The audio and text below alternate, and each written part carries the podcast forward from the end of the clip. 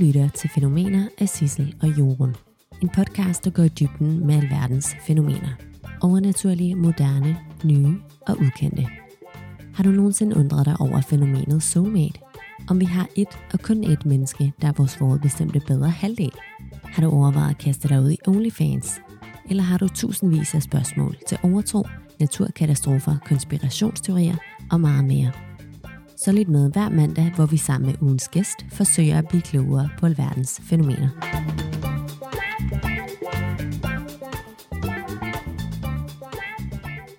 Velkommen til Fænomener. Mit navn er Jorun. Og mit navn er Sissel. I dag skal vi tale om rumturisme. Sissel, vil du ikke starte med at gøre os klogere på, hvilket slags fænomen rumturisme er? Jo, rumturisme det er jo et meget nyt begreb, der beskriver fænomenet turisme i rummet. Det vil altså sige civile, der sendes op i rummet. Og det skete for første gang i september i år, hvor fire mennesker uden nogen rumerfaring de blev sendt alene i kredsløb om jorden. Og indtil videre så er ordningen, at turisterne de selv betaler alle omkostningerne for den her tur, og det betyder i praksis, at kun meget få og velhævende personer benytter muligheden, fordi det er nogle ret vilde priser, og det vil vi også komme ind på senere. Som vi plejer, har jeg øh, nogle spørgsmål til dig i relation til dagens fænomen. Ja.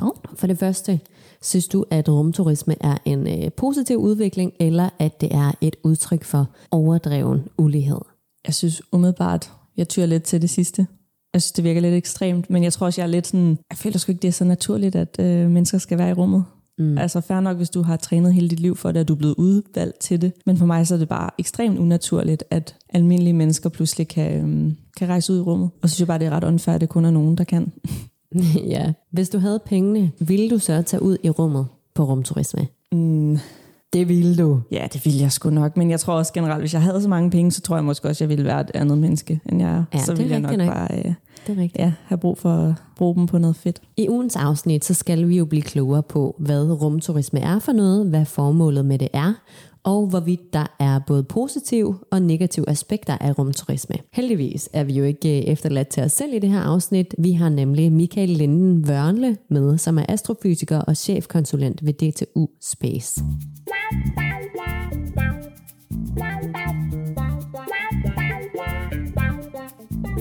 Jamen hej Michael. Tusind tak, fordi du vil øh, gøre selskab i ugens afsnit om øh, fænomener. Mig og øh, Sissel laver meget på øh, bare bund, når det kommer til det her emne, så vi er meget glade for, at du har taget tid ud af din kalender til at øh, være med i dag. Vil du øh, måske prøve at starte med at introducere dig selv? Det vil jeg gerne. Mit navn det er Michael Linden Børnle. Jeg arbejder som astrofysiker og chefkonsulent på Institut for Rumforskning og Teknologi på Danmarks Tekniske Universitet. Og det navn det er jo så langt, så er folk jo gået ind, man har sagt, hvor man kommer fra. Så det kalder vi også for DTU Space i daglig tale. Danmarks ja. Nationale Rumforskningsinstitut. Nu, øh, nu kan det godt være, at det her det er lidt et øh, stort spørgsmål, men øh, vi vil høre, om du øh, til at starte med kunne fortælle os helt basic, hvad er rumturisme? Jamen, øh, det er jo ligesom al anden turisme. Det handler om at, at få oplevelser, og øh, det kan jo sammenlignes lidt med sådan det der med at rejse ud og opleve ekstreme steder, hvor det er måske lidt farligt, men også storslået, fordi naturen er fantastisk. Og det her med at opleve jorden set udefra, altså det er jo ikke ret mange mennesker, der har haft den mulighed, så det er jo stadigvæk noget, hvor, hvor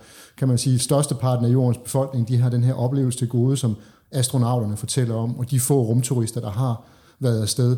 Øh, og man taler om det, man kalder for the oversight effect, at det, når du ligesom har set jorden udefra, så får du bogstaveligt talt et andet perspektiv på, på mm. vores planet. Øhm, Så det er jo den oplevelse, man gerne vil have. Det er ligesom at se noget, som få mennesker har set, i hvert fald indtil videre, og så få den her helt storslåede oplevelse af at se vores, øh, vores klode udefra. Vi ved jo, at der har været lidt forskellige milliardærer med i kapløbet om at være den første, der, øh, der kommer ud i rummet. Kan du ikke gøre os lidt klogere på det? Hvem er de forskellige rigmænd, og hvad kan de ligesom være især? Jo, men altså, man kan sige, lige nu er der i høj grad som tre aktører på, på banen. Der er Jeff Bezos, som øh, har et firma, der hedder Blue Origin. Så er der øh, Elon Musk, som har firmaet SpaceX. Og så er der Richard Branson, som har firmaet Virgin øh, Galactic.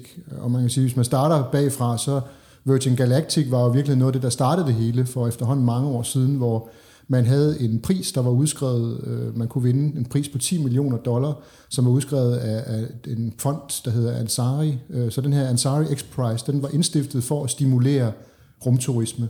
Og der kunne man, hvis man havde et rumfartøj, man kunne få op i rummet over en højde på 100 km, som er normalt det, vi siger er grænsen til, til rummet. Hvis man gjorde det inden for 14 dage med det samme rumfartøj, så kunne man så vinde den her pris på, på 10 millioner. Og det gjorde øh, et firma, der hed Scaled Composites, øh, med en meget, meget dygtig øh, flykonstruktør, Bert Rutan i spidsen, vandt altså med, med et øh, rumfartøj, der hed Spaceship One, tilbage i 2004. Og i året efter 2005, der kommer Richard Branson så på banen og siger, haps, øh, den køber jeg. Og så tænkte man, jamen så går der nok ikke så lang tid, så kan alle få en tur i rummet, men nu skriver vi så 2021, men nu er der så til gengæld sket rigtig, rigtig meget, fordi her i år har der været adskillige flyvninger, ikke bare op lige sådan øh, i en lav højde, men faktisk øh, ud i rummet med, med både Jeff Bezos' øh, Blue Origin og også øh, med SpaceX med deres rumkapsel, hvor folk faktisk ikke bare har været øh, lige et smut ud i rummet, men faktisk har været i kredsløb om rummet i, i flere dage.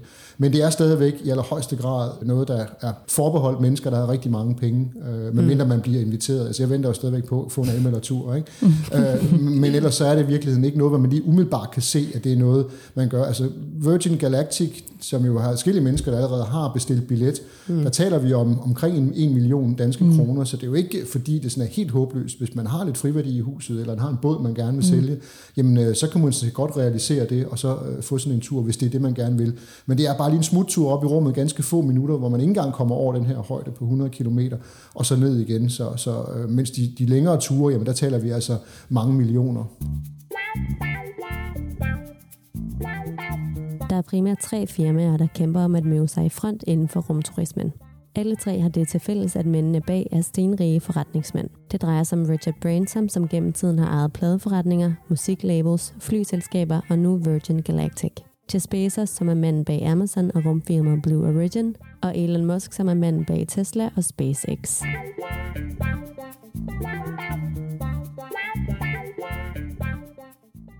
Og det det er jo almindelige mennesker, der bliver sendt ud i rummet. Og så vidt vi har sådan kunne lidt læse os frem til, så får man, er det 5 måneders træning, før man ligesom bliver sendt ud i rummet. Kan du fortælle os lidt om den type træning, og hvordan man forbereder sig til at komme ud i rummet? Jamen, det er meget forskelligt, hvor meget man får. Nogle får meget, meget, meget kortere træning, der slet okay. ikke måneder. Altså, det er det virkeligheden bare en, ligesom en udvidet sikkerhedsinstruktion, ligesom når du er ude at flyve med en flyvemaskine, hvor du får at vide, hvor nødudgangen er, og, og husk at tage redningsvesten på, hvis du lander i vand. Så, så det er meget okay. forskelligt. Men, men det vi taler om, det er jo, at du har tidligere haft øh, betalende turister ude i rummet tilbage i nullerne, mm. fra, fra, fra 2001 til 2009. Der russerne, de solgte sæder på deres Soyuz-rumskibe, når de sendte besætninger op okay. til den internationale no. rumstation.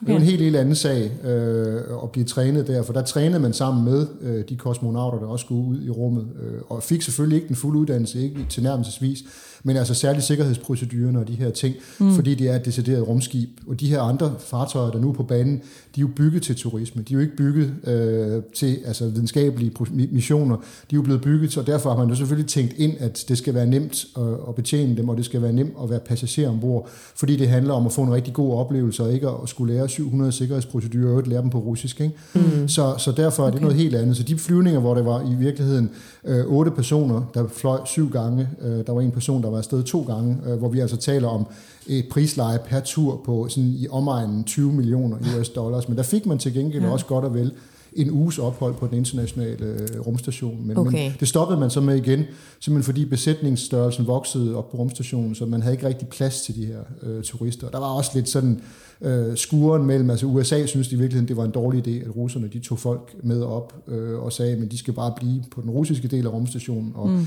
Og det, det var sådan lidt og meget afhængigt af, hvem var personer, der var, der var afsted, øh, fordi nogle af dem, de begyndte faktisk at indgå lidt i besætningen, og fik også lov til at være lidt med, når vi lavede okay. eksperimenter og ja, den slags okay. ting. For det er jo virkelig en forskellen, fordi altså, rumturister er jo ikke astronauter eller kosmonauter, mm, det, er det. det er jo en meget, meget, meget lang uddannelse, hvor du for det første er blevet udvalgt blandt tusindvis af kvalificerede ansøgere, for netop at kunne lave videnskabelige eksperimenter, forsøg i rummet og den slags ting. Øh, så rumturister, det er jo netop bare turister, det er bare folk, der er med på, på en kigger. Ja, mm. præcis. Og nu talte vi lidt om det her med, at det, det er jo ekstrem turisme. Er rumturisme farligt? Jamen, alting er jo farligt, men, men altså, det er igen ligesom det der med, hvad, hvad er statistikken? Øh, og vi har jo ikke særlig meget statistik på, på, mm. øh, på rumturisme, men altså, der har jo ikke været mange uheld i rummet, ret beset. Altså de to største uheld, det var i virkeligheden de to rumfærger, man mistede. Både Challenger-ulykken i 86 og så Columbia i 2003, men det havde jo ikke noget med rumturisme at gøre. Det var i forbindelse med ordinære øh, rumflyvninger, kan man sige. Øh, der har været et enkelt uheld i Virgin Galactic. Øh, de mistede et, et øh, rumfartøj under en testflyvning. Men det er jo sådan, at det er jo luftfartsmyndigheden i USA, at det der hedder FAA, altså Federal Aviation Authority, som, som har en særlig afdeling, som skal sikkerhedsgodkende de her ting. Og det er jo det, der også har taget tid. Det er virkeligheden, at de her firmaer, de skal jo kunne dokumentere over for luftfartsmyndighederne, at sikkerheden er i orden, når du tager betalende passagerer med. Så længe du gør det med testpiloter og, og så nogen af det firmaets egne medarbejdere, så, så kan du sådan set næsten gøre, hvad du vil.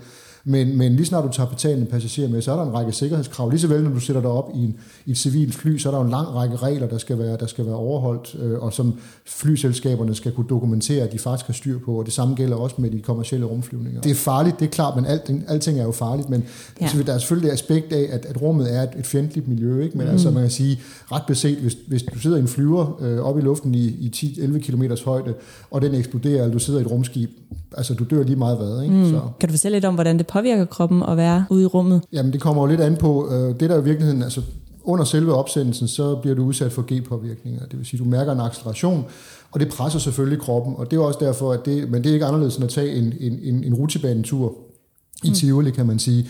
Så det er ikke ekstreme påvirkninger, du bliver udsat for, men det er klart, hvis du, hvis du ikke har et fornuftigt helbred, det er også derfor, hvis du ser en, en rutsjebane i Tivoli, så står der jo også, at hvis du har problemer med hjerte eller blodtryk, eller hvis du er gravid eller andre ting, så, så skal du lade være, ikke? fordi det, det er ikke sikkert, det er godt for, for din krop. Mm. Men, men derudover, så man sige, det er jo ikke nogen ekstreme påvirkninger, det er jo ikke noget, man skal have trænet for egentlig at kunne, kunne holde til de fleste af mennesker, der i helt almindelig fornuftig form, kan jo godt sætte sig op i en, i en rutsjebane og få en tur. Det kan godt være, at de, de er lidt bims bagefter, og, og der er lidt gelé i knæene, men det er så også fint, ikke? og det er jo det samme der.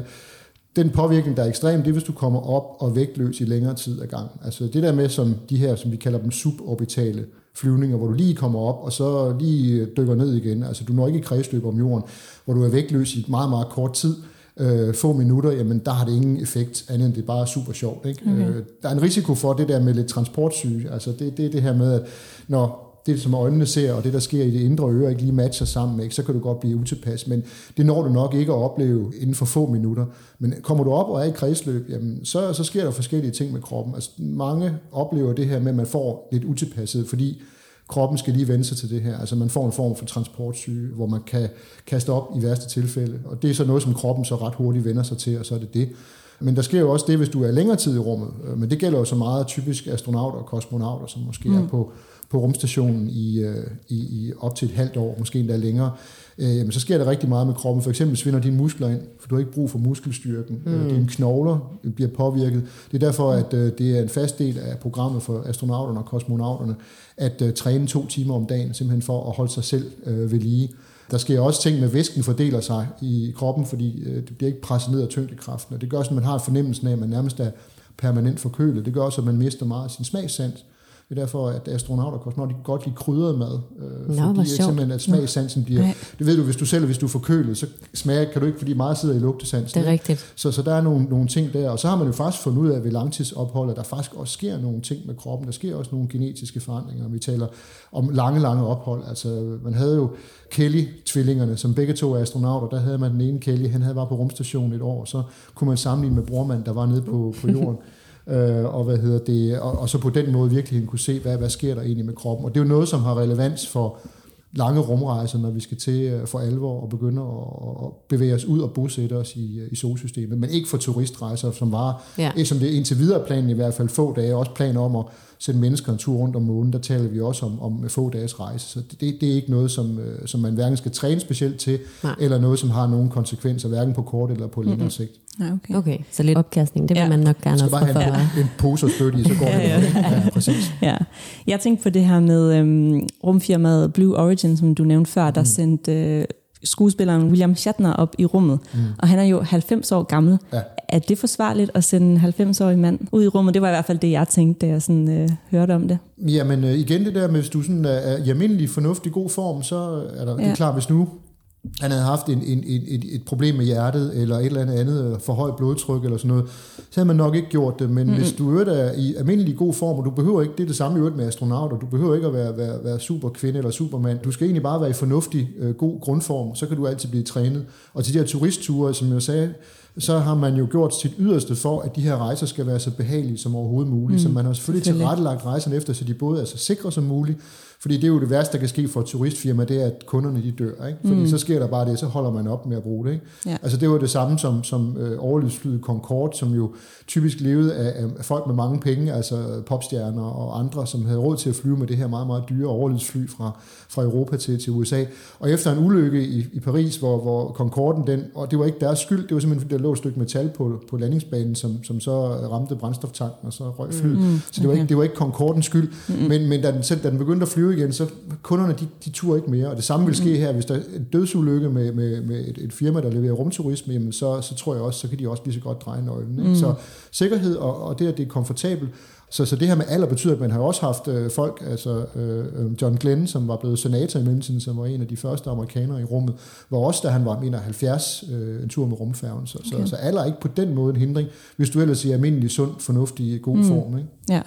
Et andet aspekt, jeg også tænkte på i forhold til William Shatner, der han er jo kendt for Star Trek. Mm. Var der ligesom noget kommercielt i det, tror du, at, at de gerne ville... Øh, altså det blev en ret stor historie selv her i Danmark, at, øh, at han skulle op i rummet. Ja, men det der, var der helt klart et stort PR-stunt, at mm. Captain Kirk nu for ja, endelig, præcis, endelig kom ud i rummet. Ikke? Ja. Selvfølgelig var der det. Mm. Øh, så, så det er der ingen tvivl om. Og det er jo sådan set en af de ting, som men i hvert fald jo SpaceX og Elon Musk jo har været rigtig, rigtig gode til at, at markedsføre sig selv med de ting, de gør, og der tænkte jeg, at nu skulle Jeff Bezos også lige øh, mm. bide lidt til bolle på, på den her, så det er helt sikkert, at de folk, de har taget med på de ture, der er fløjet indtil nu, det, det, det har der været en god grund til. Mm. Jeg, har, jeg har da også set øh, forskellige debatindlæg herhjemme i Danmark fra folk, der mener, at øh, for eksempel DR dækker det helt forkert, fordi de mener, at det bare er ren PR for mm. Branson og hele hans øh, projekt. Jo, men det kan man sige, og man sige, rumturismen er jo sådan, det får sådan et sjovt fokus, fordi ja. set fra sådan, hvis man taler om øh, rumforskning og, og rumteknologi, jamen så, så er det jo fantastisk med de her firmaer, fordi de udvikler jo banebrydende ny teknologi. Altså, fordi det vi jo ser her, det er jo ægte genanvendelige rumfartøjer. Øh, rumfærgen var jo delvis genanvendelig, men i praksis fungerede det jo ikke sådan, som man havde regnet med, at man bare kunne tage afsted med rumfærgen, og så lande igen, og så skulle man bare lige tørre insekter og forruden, og så sætte en ny brændstoftank på, og så var det afsted igen.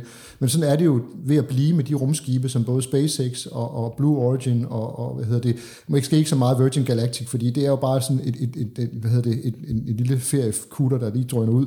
Men altså øh, Starship, som, som, øh, som SpaceX de bygger, øh, som jo i princippet skal bruges, eller ikke princippet, som skal bruges til at bringe mennesker tilbage på månen, og, og bruges også i en ny form måske til, til rejser til Mars. Og det med, at det er 100% genanvendeligt, det er jo noget, der gør, at vi får øh, meget mere rentabel, meget mere sikker, meget mere effektiv, meget mere miljøvenlig øh, rumfart, end, end, øh, end vi har gjort hidtil. Ikke? Og det er jo det, der er det interessante. Det, at der er så nogle frie mennesker, der kan få en tur i rummet, det er sådan set ikke særlig interessant. Mm. Det er faktisk flindrende ligegyldigt i virkeligheden. Ikke? Altså. For at kunne kalde sig rumturist, kan man have passeret den såkaldte Karman-grænse på en højde af 100 km. Karman-grænsen er den officielle grænse mellem jordens atmosfære og selve rummet, og den er opkaldt efter den ungarsk-amerikanske fysiker Theodore von Karman, som udførte banebrydende arbejde inden for både flyvning og rumfart.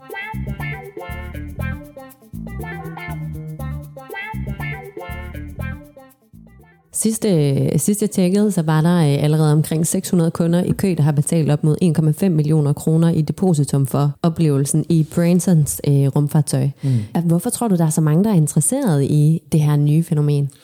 Jamen, jeg tror simpelthen, det er fordi, der er flere ting i det, som at man, der, der er ikke ret mange, der har prøvet det, så der er også en eksklusivitet i det i hvert fald indtil videre. Ikke? Altså, at hvis man siger, hvis jeg har været en tur i rummet, jamen så hører jeg til, altså så taler vi jo om, at det er jo, hvad hedder det, øh, øh langt under 1000 mennesker, der har prøvet det indtil nu. Ikke?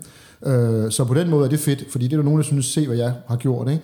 Men så den her oplevelse, man så får som en del af det her, hvor du får mulighed for at gøre noget, som er ekstremt. Du får mulighed for at se øh, jorden udefra. Øh, man må sige, Branson, det er jo bare lige et smut op og ned igen, men det med, som man har gjort med, med Crew Dragon, hvor man kredsede om jorden i tre dage, altså man faktisk har mulighed for at se ned på jorden i tre dage og sidde og kigge på det der. Og som jeg sagde tidligere, så har det jo en, en indflydelse på, hvordan man tænker. Man er simpelthen et andet menneske, bogstaveligt talt, når man kommer tilbage, øh, fordi man har haft det der mulighed for at sidde og kigge ned på jorden og tænke, wow, ikke? Øh, på godt og ondt. Ikke? Så mm. fordi du også, altså du kan se alt det smukke, men du ser jo også naturkatastroferne, du ser skovbrændene, du ser orkanerne, du ser alt det, som, som, øh, som, øh, som jorden også kan, øh, og som der ikke bliver mindre af på grund af de klimaforandringer, som vi, som vi er årsag til. Ja, så det er jo blandt det, rumturisme blandt andet kan.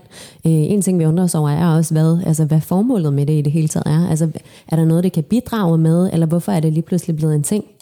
Jamen, det har jo været en ting længe. Altså, øh, og som sagt, i 2004, da, da øh, øh, hvad hedder det, Bert Rutan, han vandt Ansari X Prize, øh, og, og at øh, Richard Branson året efter træder ind på scenen og opretter firmaet Virgin Galactic, der tror jeg, de fleste ting nu tager det fart. Og der er også flere firmaer, som har måttet dreje nålen. Der er nogen, der har prøvet, men, men som, som, som bare ikke kunne lykkes med det. Øh, så, så det var måske var det i virkeligheden en postgang for tidligt der i 2004, at det er faktisk først nu her, ja faktisk sådan omkring øh, 15 år senere, at både teknologien og øh, muligheden for at gøre det, men, men altså interessen har jo hele tiden været der, fordi man, man har lavet undersøgelser, så har man jo kunne se, at, øh, at der var mange mennesker, der gerne ville, ville øh, betale penge for at få sådan en tur, og også betale ret mange penge for at få sådan en tur øh, ud i rummet. Og, og det man kan sige, det er, at priserne ligger der, fordi Branson, det er jo helt klart det billigste produkt, du kan få, fordi de andre ture her, både med, med Blue Origin og også med, med SpaceX, jamen der, der er der ingen tvivl om, at det, det er jo nogen, der, der, der koster meget mere. Der taler de jo ikke så meget om, hvad det egentlig koster endnu. Øh, fordi det, de egentlig siger, de har fløjet, det er i vid udstrækning en form for testflyvning. Ikke? Okay. Øh, mens at, øh, og Branson egentlig også, så, så de er ikke rigtig gået rigtig kommercielt i gang endnu, men, men der, der ved du, hvad det koster. Det er der op til de der halvanden million danske kroner, og, og det er jo ikke urealistisk. Altså det kunne man jo øh, som sagt godt hive ud.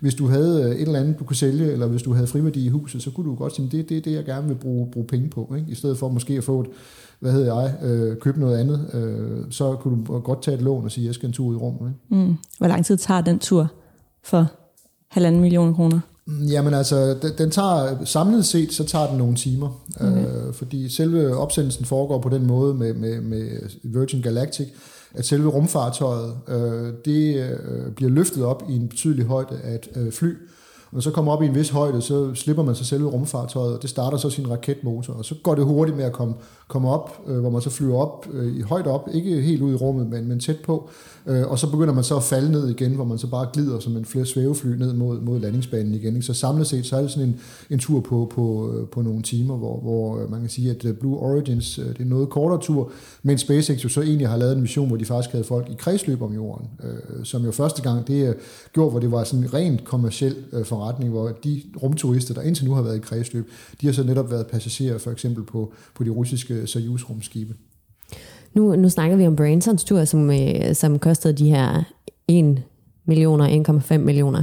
Men øh, som vi også talte om, så er der jo nogle af de øvrige, der er meget dyrere end det. Og i vores øjne er det jo helt ekstremt mange penge. Og i medierne kan man læse flere reaktioner på, at det ligesom er en form for øh, ekstrem ulighed. Altså at det ligesom repræsenterer en ekstrem ulighed. Hvad, hvad tænker du om det? Jamen altså, jeg tænker jo lidt sådan på det, at for mig, der er, hvad hedder det, rumturisme, det er lidt sådan en gimmick. Altså, det, det er, det er gak og gøjl, øh, og det er egentlig ikke noget, som jeg beskæftiger mig med, fordi hvis nogen gør det, og jeg ved godt, at nogle af firmaerne, de gør det så for at profilere sig selv, og, og, og det er så fint nok.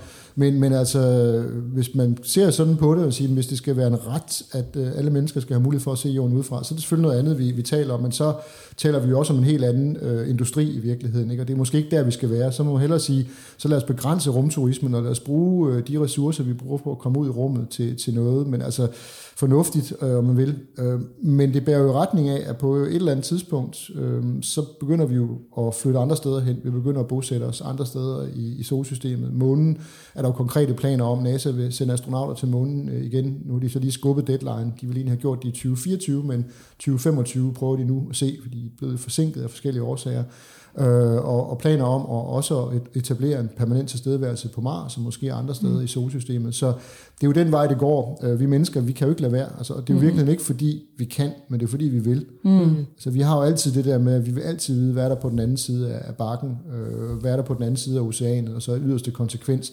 Øh, sådan den store øh, grænse, ydre grænse, ikke? selvfølgelig grænsen til, til rummet, hvor sådan som vores teknologi ser ud i dag, den måde vi forstår naturen på, jamen der vil det begrænse sig til rejser inden for, for, for solsystemet, øh, måske ud til nogle af de store måner, øh, der kredser om de store planeter, mens rejser længere ud, jamen, øh, der er vi simpelthen ikke øh, i stand til at se, hvordan det skal kunne lade sig gøre, medmindre vi får en dybere forståelse af, hvordan naturen er skruet sammen, så på et eller andet tidspunkt bliver øh, rejser mellem stjerner, altså interstellare rejser, de bliver faktisk en, en mulighed. Men, men det, det, sådan, sådan forstår vi ikke naturen endnu. Men altså igen, mm jeg, jeg tager normalt ikke ordet umuligt i min mund, fordi så er det kun et spørgsmål, hvor lang tid der går, inden man bliver til grin. Ikke? I hvert fald på den konto. Så, ja. Ja. Mm. Men tænker du så, at der er udsigter for, at, at der en dag er altså folk, som måske ikke lige kan skaffe 1,5 millioner kroner, der har råd til at øh, opleve rumturisme og komme ud i rummet? Altså, det er jo sådan med ting, der er kommersielle, det er jo sådan udbud efterspørgsel ting. Mm. Altså, øh, for et, er der nogle mennesker, der er villige til at betale for det, og to, er der nogle virksomheder, der er villige til at levere varen. Og, og hvis der er flere virksomheder, der leverer den samme vare, så får du en konkurrencesituation, mm. og så falder priserne. Altså det er jo, det er jo sådan noget, det er sådan noget CBS dealer der, ikke? Så, men, øh, øh, og, og, hvad hedder det? Ja, jeg tror, men det er jo også fordi, hvis du finder andre transportformer. Lige nu der er vi afhængige af, at for at komme ud i rummet, så kan du kun komme ud i rummet ved hjælp af et, en raket på en eller anden måde. Mm. Altså det, det er den eneste mulighed, vi har nu, men altså måske på et tidspunkt i fremtiden får vi realiseret visionen om at få en rumelevator øh, hvor du i stedet for at flyve ud i en raket, så har du simpelthen en elevator, som hænger fast i en øh, platform, som ligger i geostationært kredsløb, altså der 35.800 km over jordens overflade over ekvator, fordi der er omløbstiden den samme tid som jordens rotation, så der kan du lægge det der vores kommunikationssatellitter og sådan noget, de typisk ligger. Okay. Øh, de står over den samme plet på jorden. Og så er det bare et spørgsmål om at have et, øh, et 35.800 øh, km langt kabel, og det er så virkelig det, der er udfordring. Ikke? Og så har du simpelthen en elevator, der kan køre op der. Ikke? Og som siger, så, så behøver du ikke længere at, at være bekymret om, at noget springer i luften eller et eller andet. Det lyder helt absurd. Ej, wow.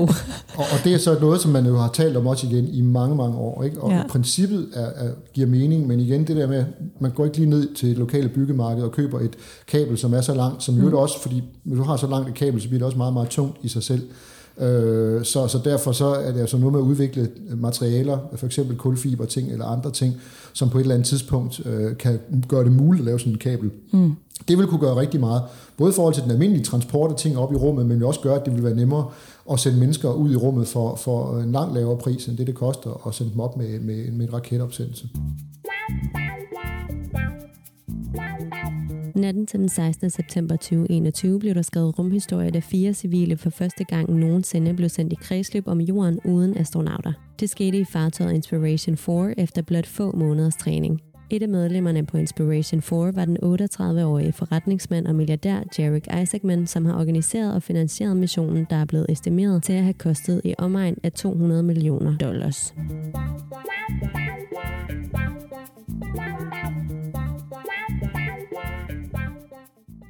Den her kritik eller tolkning af rumturisme er jo heller ikke den eneste, der, der ligesom rettes. Øh, for eksempel så er der Jeppe Jul, der er chefrådgiver i Rådet for Grøn Omstilling og ekspert i, hvordan transport belaster klimaet. Han siger for eksempel til politikken, at han ser rumturismen som en meningsløs opvisning af uansvarlighed. I politikken der siger han videnskabeligt og erkendelsesmæssigt, er det vigtigt at udforske rummet. Men hvis man bekymrer sig om klimaet, skal man tage udslippene seriøst, og hvis der taler om en fornøjelsestur, så er det en absurd klimabelastning forbundet med den form for turisme. Hvad, hvad tænker du om det, han siger i politikken? Jamen altså, det kommer an på, hvilken klimapåvirkning han taler om. Øh, der blev i 2010 lavet et studie, hvor, fordi det har ikke noget med drivhusgasser at gøre. Øh, fordi det er ikke fossile brændstoffer, du, du anvender øh, typisk til, til raketterne, så, så det, det har ikke noget med det at gøre. Men du producerer for eksempel, de, typisk hvis du bruger sådan nogle, der hedder hybridraketter, som for eksempel øh, Richard Branstons øh, rumfartøj, så øh, bruger det faktisk en form for gummi, øh, og så lattergas, som det brænder af for, for at virke. Og det producerer sodpartikler. Øh, så det har ikke noget med, med, med drivhusgasning og drivhusgasser at gøre, men det er noget med sodpartikler. Og sodpartikler, de kan også have en effekt, både en opvarmning og en afkøling, plus de kan have et forureningsperspektiv. Og der lavede man i 2010 et studie, hvor man kiggede på øh, tusind af sådan nogle suborbitale flyvninger fra et bestemt lokation, og ja, det har, det har, en, det har en effekt, så selvfølgelig, ja, alting koster et eller andet, men, men jeg tror, man skal, man skal passe meget på med, med sådan at begynde at hylde op om, om, øh, om klimaforandringer og den slags ting, når vi taler om lige præcis det her. Men jeg er da fuldstændig enig i, at man skal da overveje, hvad man, hvis man nu siger, lad os antage, at vi havde et endeligt antal øh, mulige raketopsendelser, sige, det er det antal, vi beslutter os for, at vi vil have per år, så vil jeg da også sige, så mener jeg bestemt også at give ham fuldstændig ret, øh, at øh, så må man da prioritere der, hvor det handler om vores allesammens fælles bedste i forhold til øh, at få en bedre forståelse af rummet og udnytte rummet til de ting, som vi skal udnytte rummet til. For mm. det er jo sådan, at uden vores satellitter, altså uden vores, det man kan kalde vores rumbaserede infrastruktur, så kan vores moderne samfund så ikke fungere. Mm. Så, så det, er, altså, det er samfundskritisk, at vi har fri og sikker adgang til rummet.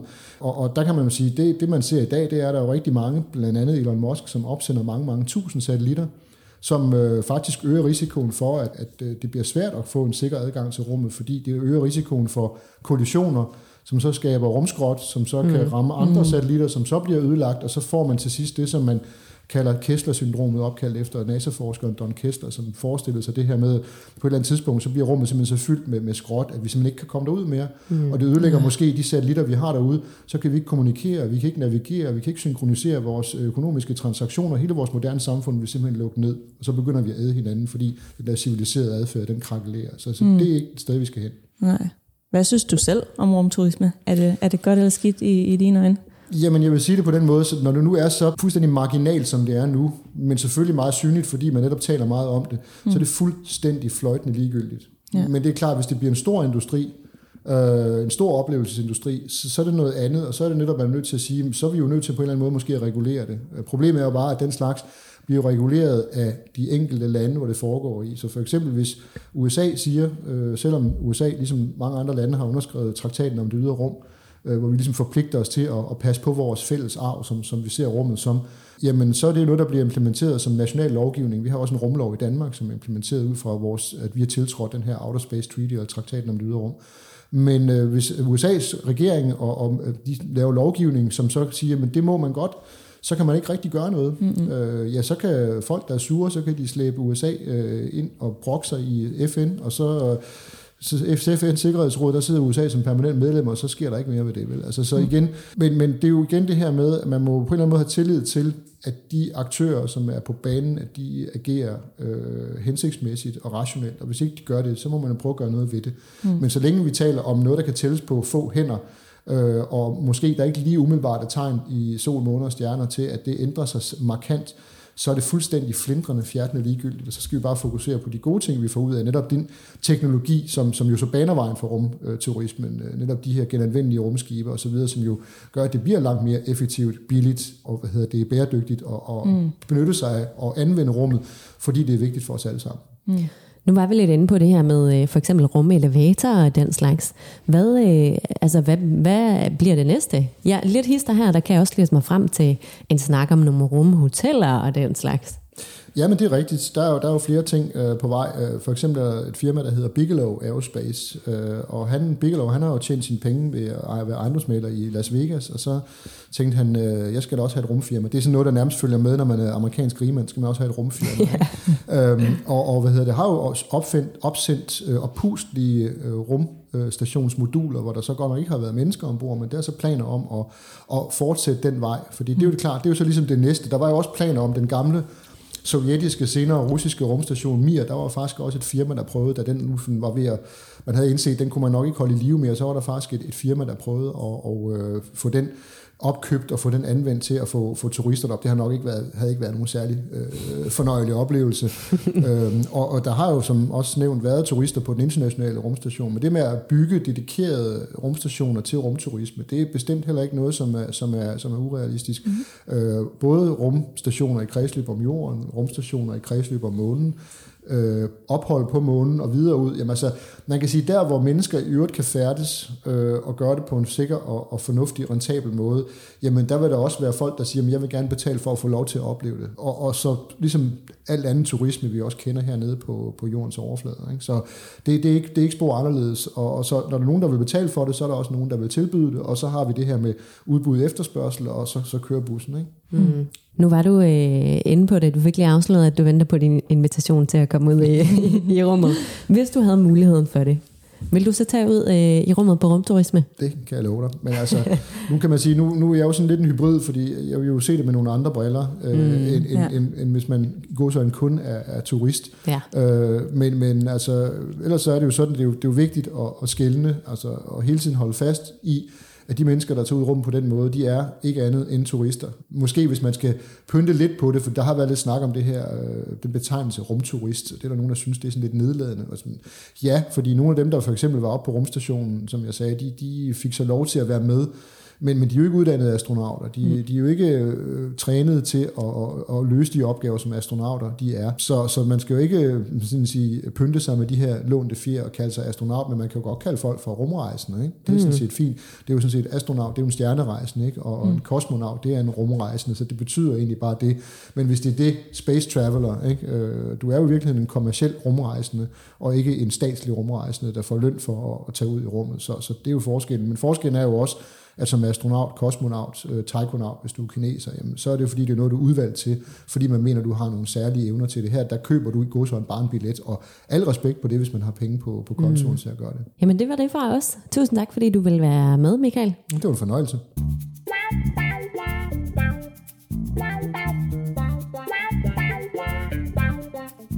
Det var ugens afsnit af Fænomener. Hvad øh, synes du om det, Sissel? Er der noget, du er blevet klogere på? Ja, jeg blev generelt overrasket over det her med, at det slet ikke påvirker kroppen så meget. Man bliver måske bare lidt køresyg.